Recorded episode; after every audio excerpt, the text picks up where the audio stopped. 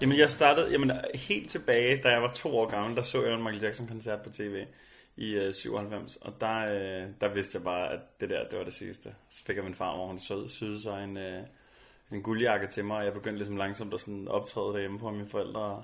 Og så øh, startede det ligesom langsomt der. Lysten til at optræde har han stadig. Thomas Rosendal er nu 23 år og optræder nu under navnet Megan Moore og har gjort det i 9 år. Han sidder i sit spisekøkken, omringet af sine mange kendisperykker, der står på skabene.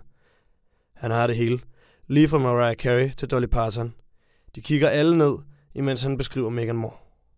Megan Moore er nok sådan en selvsikker diva, der er rimelig sikker på sådan sig selv og, og hvad hun laver. Men det, det er gået fra, at hun var sådan en slutty young lady, til nu at være sådan en diverse, øh, men meget pageant lækker. Altså sådan meget lange, flotte kjoler og flotte opsætninger. Meget ordentlig, ikke?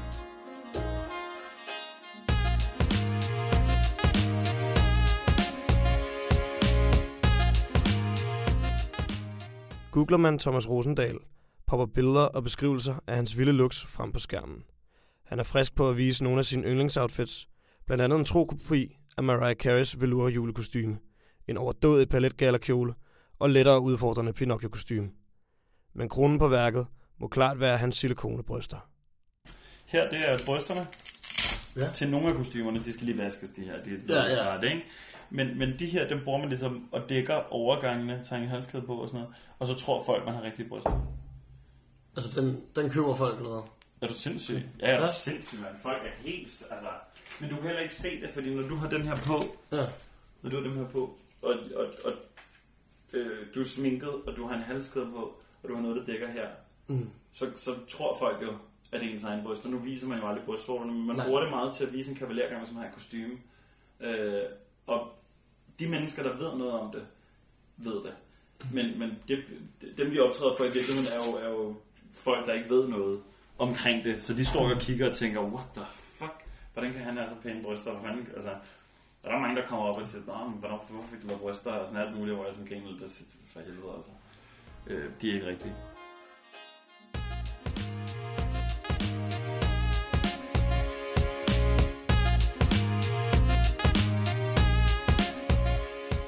Jeg starter med, som jeg sagde, jeg starter med at gå i bad. Barberer mine arme og min brystkasse og min mave. Øh, og så tager jeg selvfølgelig også lige skægget, og så, øh, og så kommer jeg ud, og så lader, lader, lader det lige tørre lidt i 5-6 minutter, og så, øh, og så er det i gang med at lime brynet ned. Der skal jeg faktisk bruge almindelig husholdningssprit for at fjerne det værste olie fra huden, og så bruger jeg almindelig limstift over til at lime brynet ned. Og det gør jeg så et par gange til, at de sådan er helt flade, og så øh, det kommer af med vand. Det er ikke noget voldsomt, det kommer af med vand. Øhm, og så er det ellers bare gammel makeup, og der skal jo masser af både foundation og altså pudder og, med voldsomme øjenskygger, og der skal tegnes nye bryn, og der skal alt muligt.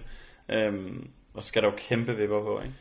Øh, men når det så er gjort, så er det jo på med, jeg har jo, skal jo kunstige hofter og kunstige numse, og strammes ind med et korset, og negle på, og på ryggen, og kostymet, og bryster, og alt det der ting, ikke? Det er varmt, og det er hårdt. Altså fysisk, der er det jo meget ubehageligt. Men øh, altså, efter en halv times tid i stiletter, der, øh, der begynder jeg så småt at sådan tænke, nu er det ikke sjovt. Der er sådan et show, jeg bare virkelig kan huske fra i år, hvor jeg sådan tænkte, nu dør jeg. Og så har jeg optrådt i Florida også, øh, Oh. i sommerperioden, ikke? Øh, hvor jeg så havde, jeg skulle lave tre forskellige karakterer på en, på, på en eftermiddag, og det var jo faktisk om eftermiddagen, jeg var på, det var, så det var ekstra varmt. Og det var øh, udendørs. Oh, og der kan jeg huske, der skulle jeg lave, jeg, jeg sluttede heldigvis af med at lave Sia, hvor jeg så kunne have på ryggen hernede, ikke? Men der, altså, limen var smeltet, så bare sådan, jeg gjorde sådan der, så kom limen af, og så kunne du stakke min eget hår ud, og sådan med at det var forfærdeligt. Og vipperne begyndte sådan at hænge, fordi det hele sådan ætsede i, i, i, varmen, ikke? Øhm, heldigvis, ja, så lavede jeg sige, men ellers så, ja, det er varmt, det er bare varmt. Og det er derfor, at den her sæson nu er god, fordi det er, øh, det er tilpas varmt, eller koldt, eller hvad man siger, ikke? Til at, øh, ikke at, at, at, at dø. Jeg har ikke noget mod at fryse en lille smule, når jeg er udklædt, men, men at, at have det for varmt, ikke? det er frygteligt. Men man må gøre det, og det er vigtigt for mig ikke at klage, fordi alternativet var, at jeg kunne sidde i Netto, altså i to uger for at tjene det samme, som jeg gør på 20 minutter, ikke?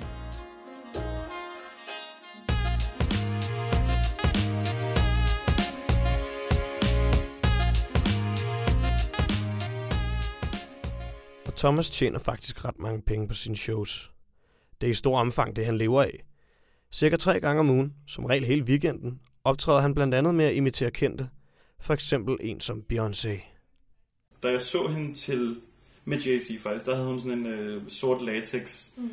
badedragt på, der hang nogle ting og, og hang og alt muligt, altså et, et bandana på i latex, der var bundet. Og der fandt jeg så den skrædder, der havde lavet det, som, wow. som, hvor jeg så fik det lavet også. Ikke? Øh, hvor ja, jeg givet sådan 8.000 og sådan noget. Det er jo ikke, fordi det er sådan sindssygt mange penge i forhold til, hvad man skulle tro. Men, øh, men, men så havde jeg ligesom det på at lave så et stort Beyoncé-show. På en scene ser det her jo sindssygt dyrt ud. Det ser virkelig lækkert ud, når man får det på. Ikke? Mm. Øhm, men så har jeg ligesom haft de der kostymer, som, som, som hun havde på. Og så kan jeg ligesom føle mig som hende i det. Og det giver bare lidt ekstra, når man optræder. Altså.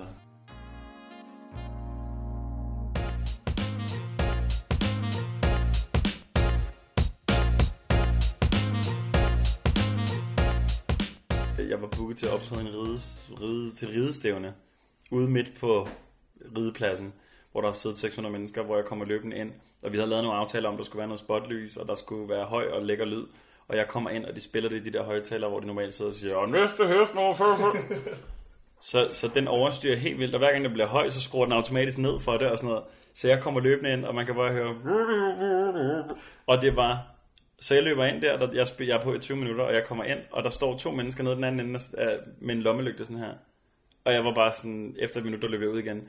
Og så sagde jeg til dem sådan, det kommer ikke til at ske det her, det er jeg simpelthen så ked af, men I har ikke sådan holdt jeres del af aftalen, så det kommer ikke til at ske. Og der havde jeg så min veninde med, som er tidligere manager og har lavet musik i mange år og sådan noget. Så hun øh, var bare sådan, du tager dig fucking sammen, og så laver dit lort. Og så er jeg ligeglad, hvor dårligt det så kommer til at gå. Og så løb jeg ind igen og startede forfra, og jeg, altså, det var frygteligt. Og jeg sad der i 20 minutter, og jeg kunne høre folk, der sådan sad og krøllede deres hotdogpapir sammen, og sådan, folk, der sad. Det var frygteligt. Frygteligt. Og det er jo sådan noget, når man er færdig, så kan man høre sådan fem mennesker, fordi resten sidder der på deres telefon og er sådan lidt ligeglade. Det var frygteligt. Men øh, der havde jeg det også sådan lidt bagefter, sådan om så, altså, nogle gange må man jo gennem de ting der, det, det hele er ikke bare fedt, ja.